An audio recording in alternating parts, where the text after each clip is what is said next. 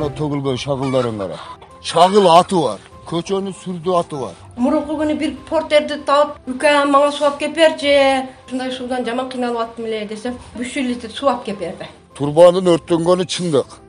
Оңор көп турба өрттөнгөн эмес он жетинчи жылдан бери алып алып ушу үй сала албай жүрөбүз.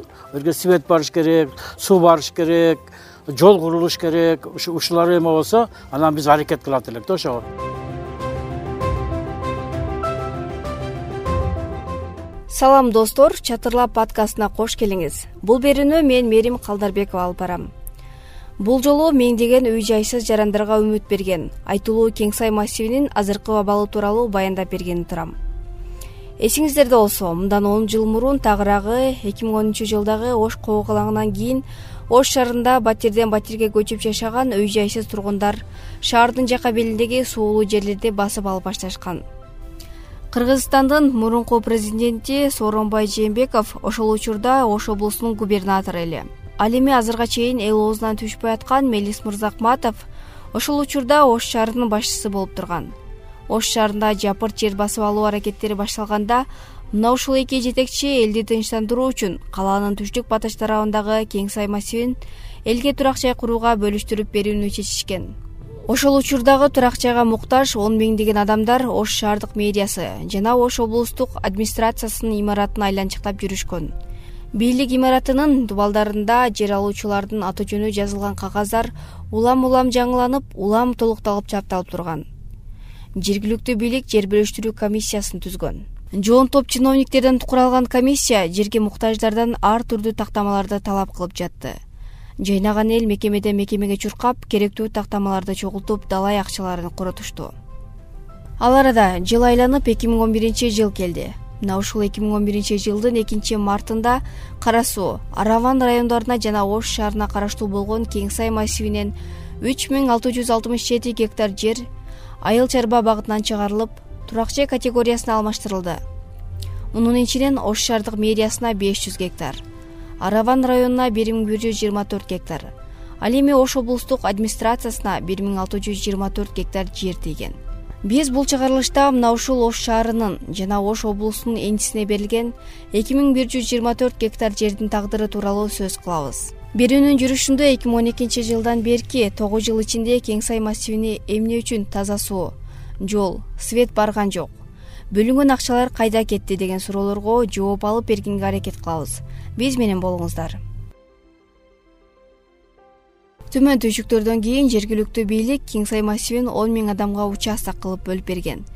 Жакынкы күндөрдө суу да свет да жол да болот деп элди ишендиришкен.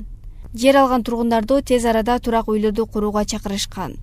Бирок мындан тогуз жыл өттү айтылган убадалардын бири да аткарылган жок. Кең сайда азыр болгону алты гана үй бар анын экөөсүндө гана адамдар жашайт. Ал эки үй бүлө тең шаарда жашоого такыр мүмкүнчүлүгү таппагандар. Айласы кеткендер. Жашоого эч кандай шарт жок болгонуна карабай эптеп үстүмдө үйүм болсо дегендер. Алардын бири рана убайдуллаева. Ал кең сай конуштан жер алып жашоого ылайыктуу шарттардын жаралышын дээрлик беш жыл күткөн. Акыры айласы куруп таптакыр барар жери жок калганда гана мына ушул ээн жаткан кең сайга келген. Үч небересин өзү карайт шаарда идиш жууп нан табат.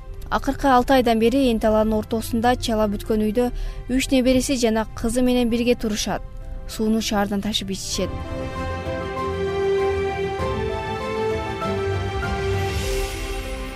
Биз эми бул жерге келип калганыбыз себеби ата энем эшиктин алдында жашайт элек.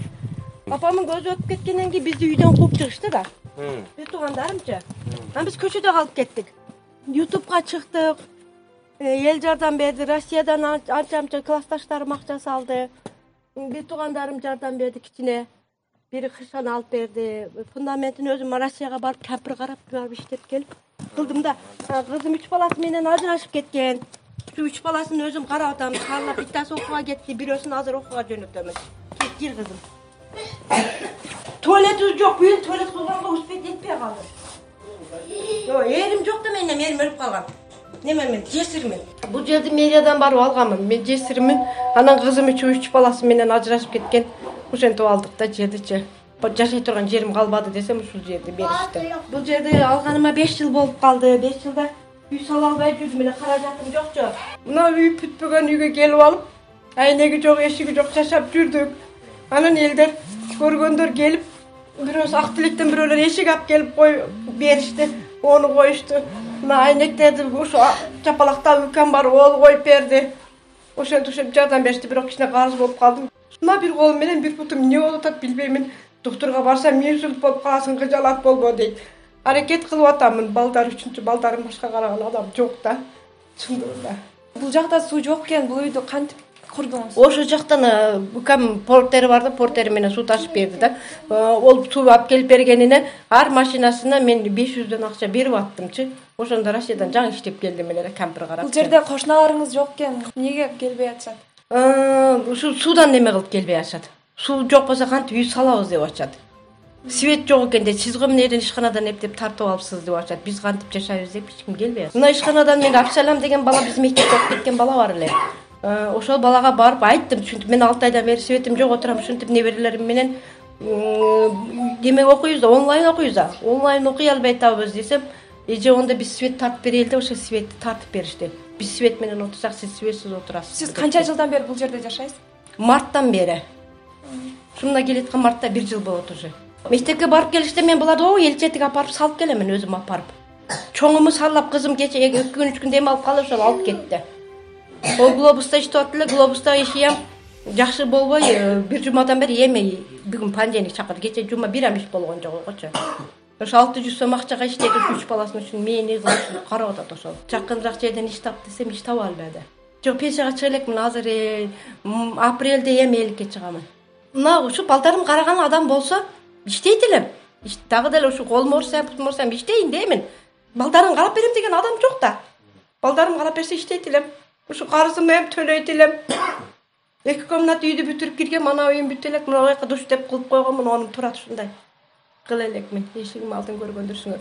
Эшигимдин алдынан бир жапалактуу бала бечара көрүп ушу камаз минет экен эже эшигиңиздин алды балчык турбайбы? деп ол бир камаз эме сизге жардам деп ол алып келип эшигимдин алдына шагал төгүп берип кетти.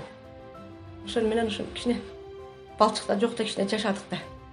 Сиз күнүгө ичкен сууну ошол жактан ташып ошол жактан ташыйм муну эл четиге ташы апары канча? Он он литрден жыйырма литр баягындай идишим бар.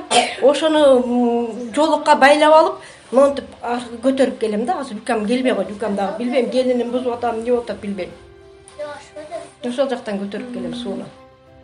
Кечээ анан мурунку күнү бир портерди таап жолдон таап алып үкам мага суу алып келип берчи тааныбаган эле бала ол дагычы. Суу алып келип берчи үкам ушундай суудан жаман кыйналып аттым эле десем үч жүз литр суу алып келип берди ошол ошону менен кичине күн көрүп калдым. Кирлериңизди кантип жууп атасыз кирлерим ушул стиральныйым бар стиральныйм жакшы ушу россияда иштеп акча салдым эле стиральный алыптыр кызым. Шүгүр. Стиральныйым бар болду. Эми мага газ болсо десе жакшы болот эле да. Газ болгону менен газ болгондо ошого чай кайнатып ошого тукум бышырып мына балдарга ушинтип карайт элем да жакшы болот эле да. Боня жактардан тезектерчү элем азыр кар жауганга тезек алып бере албай калдым. Бир эле ушул үйдө тыгылып отурабыз. Бешөөбүз кызым анан баягы бир мектепте окуган неберем ушул баардыгыбыз үчөөбүз мээге жатабыз экөөсү ана жерге жатат чөбөрө келет түлкү келет тынбай эле келип атат. Эмнеден бир километр нарыгы бир километр эки километрге жөө барып атам да. Саат он бирде жөнөймүн он эки жарымда анан окуусу башталат да. Жүгүрүп ону алып барып таштайм ананы жетелеп алып анан эме кылып сүйдүрүп алып жүгүрөмүн да аяка эл четигечи жүр балам мен окууга алып барып таштап деп окубай калбасын депчи. Окутпасам болбойт да. Үй салдым деп буларды алып отура бергеним менен сабаксыз болуп калса эң соңку кыйналат да. Ошон үчүн окуп калсын дейм тамга таанып калсын жазып жазышты үйрөнүшсүн депчи. Суу келсе эл келет эл келебиз деп атышат көп эле мына аректен алышыпты да. Аректерди жолдо кетип атканда мынаны алып кетип айтышат да. Сиз кантип үй салдыңыз? Деп анан мен айттым ошол жерден суу ташып ушинтип үй салдым десем биз качан суу чыкканда салабыз? Менен эките балам үй мен үчтө баламын жери ушакта деп коюп эле жүрүшөт чыккылачы мага кошуна болгулачы деп коем оларды эми мен өзүм жалгызмын жерде. Бул анда эмес наркыда битте бирөө фундамент куйду ошо өдөдө бирөө үй салган мына жакта үй салган. Үй салып салып салып эле коюп кетишкен да свет жок суу жок деп кең сай массивинде жашоого ылайыктуу шарттардын баарын түзүп чыгуу үчүн он миллиард сом кетери болжолдонгон. Ош облустук капиталдык курулуш башкармалыгынын жетекчи орун басары дамир калыкбердиев кең сайга пландалган иштердин аз гана бөлүгү бүткөнүн өзү ырастап отурат. Жалпысынан бүгүнкү күндө кең сай массиви боюнча э, эки миң он биринчи жылы мамлекеттик дирекция тарабынан башталган кең сай массивин өздөштүрүү боюнча ошол маалдагы эсеп боюнча жалпы суммасы тогуз миллиард тогуз жүз элүү сегиз миң сом тегерегиндеги болжолду э, сметасы эсептелип чыгарылган. Анын ичинде ошол э, дирекция тарабынан башталган курулуш иштери андан кийин ош областтык курулуш башкармалыгы тарабынан уланып келе жатат. Бүгүнкү күндө жалпысынан бүгүнкү күнгө чейин ошол тогуз миллиард сомдун ичинен тогуз жүз он беш миллион сомдук курулуш иштери аткарылган тактап айтканда ошол жүз он киловаттык подстанция курулушу андан сырткары жолдун курулушу негизги андан кийинки суу түтүктөрүн тартуу иштери ички жолдор ошол маалда башталган курулуш иштери башталган боюнча керектүү иштер э, өздөштүрүлгөн. Акча каражатына ылайык иш жүргүзүлөт. Ошол мен айтпадымбы ошол э, дирекция тарабынан башталган курулуш иштери акча каражатына ылайык курулуш иштери жүргүзүлгөн. Андан ары улантуу үчүн э, акча каражат керектелет ошол эле подстанциянын курулушуна ошол эле негизги жолдорду аягына чыгарууга. Жалпы жонунан общий жалпы кең сай массивинин бүгүнкү күндө он пайызга жакыны курулуш иштери бүткөрүлдү десек болот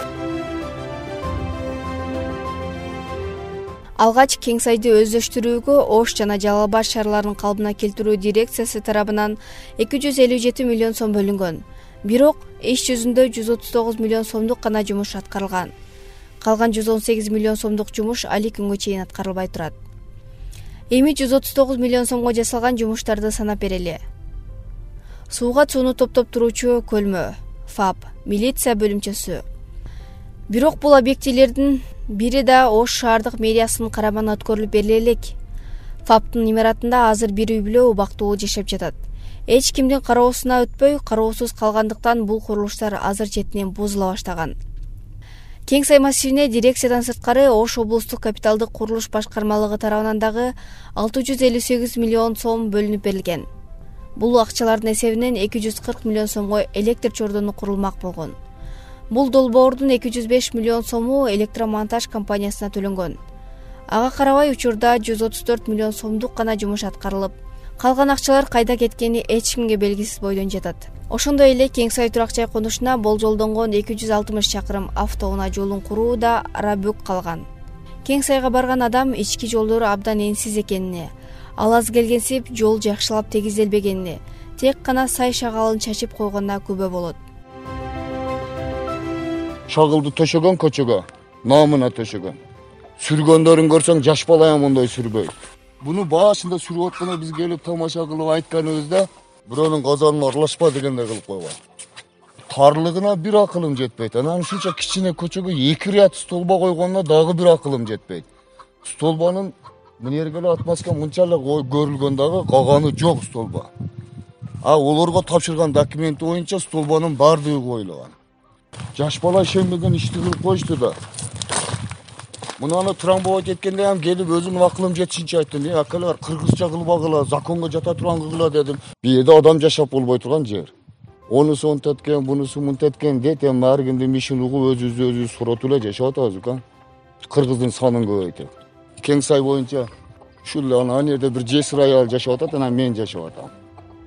Ар ким ар кыл жол жомокту айтып мына отуз жылдан бери бизди ушул жашоого алып келип койду мисалы үчүн сен азыр иликтеп туруп бирөөнү доказать этип алып барсаң камайт дагы он беш жарым мүнөттөн кийин кайра чыгарып коюшат. Мага окшогон бейбечара бир тооктун жумурткасы үчүн үч жыл төрт жыл отуруп чыгат. Кимисине ишеничти билбейбиз дагы? Алладан тилеп эле жашап атабыз эми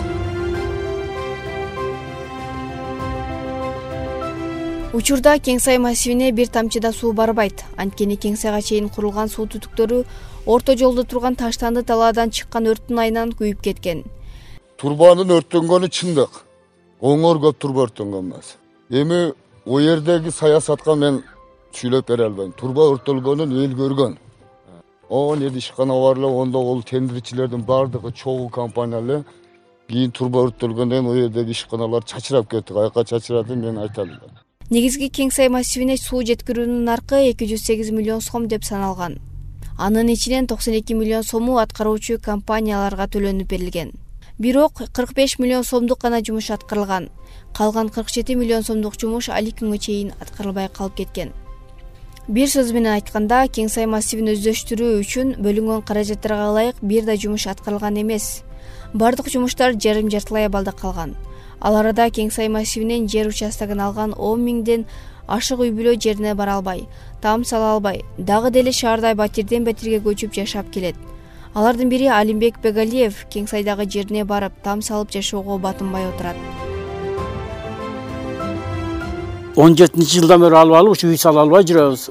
Бул свет барыш керек суу барыш керек жол курулуш керек ушу ушулар эме болсо анан биз аракет кылат элек да ошого.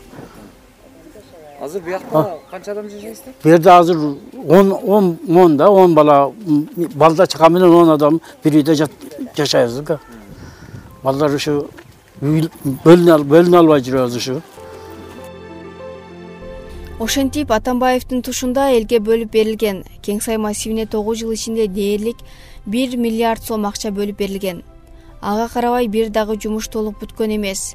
Андан бери атамбаевдин бийлиги бүтүп кең сай бөлүнүп аткан учурда губернатор болуп турган сооронбай жээнбеков президент болду бирок жээнбеков эң жогорку бийликте үч жыл отурганына карабай кең сайды өнүктүрүүгө кымындай дагы таасир эте алган жок эми төртүнчү октябрдагы бийлик төңкөрүштөн кийин кең сай массивиндеги алешемдиктер боюнча болгону бир гана фирманын бир гана эпизоду боюнча кылмыш иши козголуп сотко өткөрүлгөн. Кең сайды өздөштүрүү максатында бөлүнгөн каражаттарды алып ишти толук бүтүрбөй койгон ондогон фирмалардын жана курулуштардагы уурулуктарга көз жумуп койгон бир дагы расмий орган жоопко тартыла элек курулуш иштери азыркыдай ылдамдык менен жүрүп отурса кең сай массивин өздөштүрүү качан ишке ашаары али белгисиз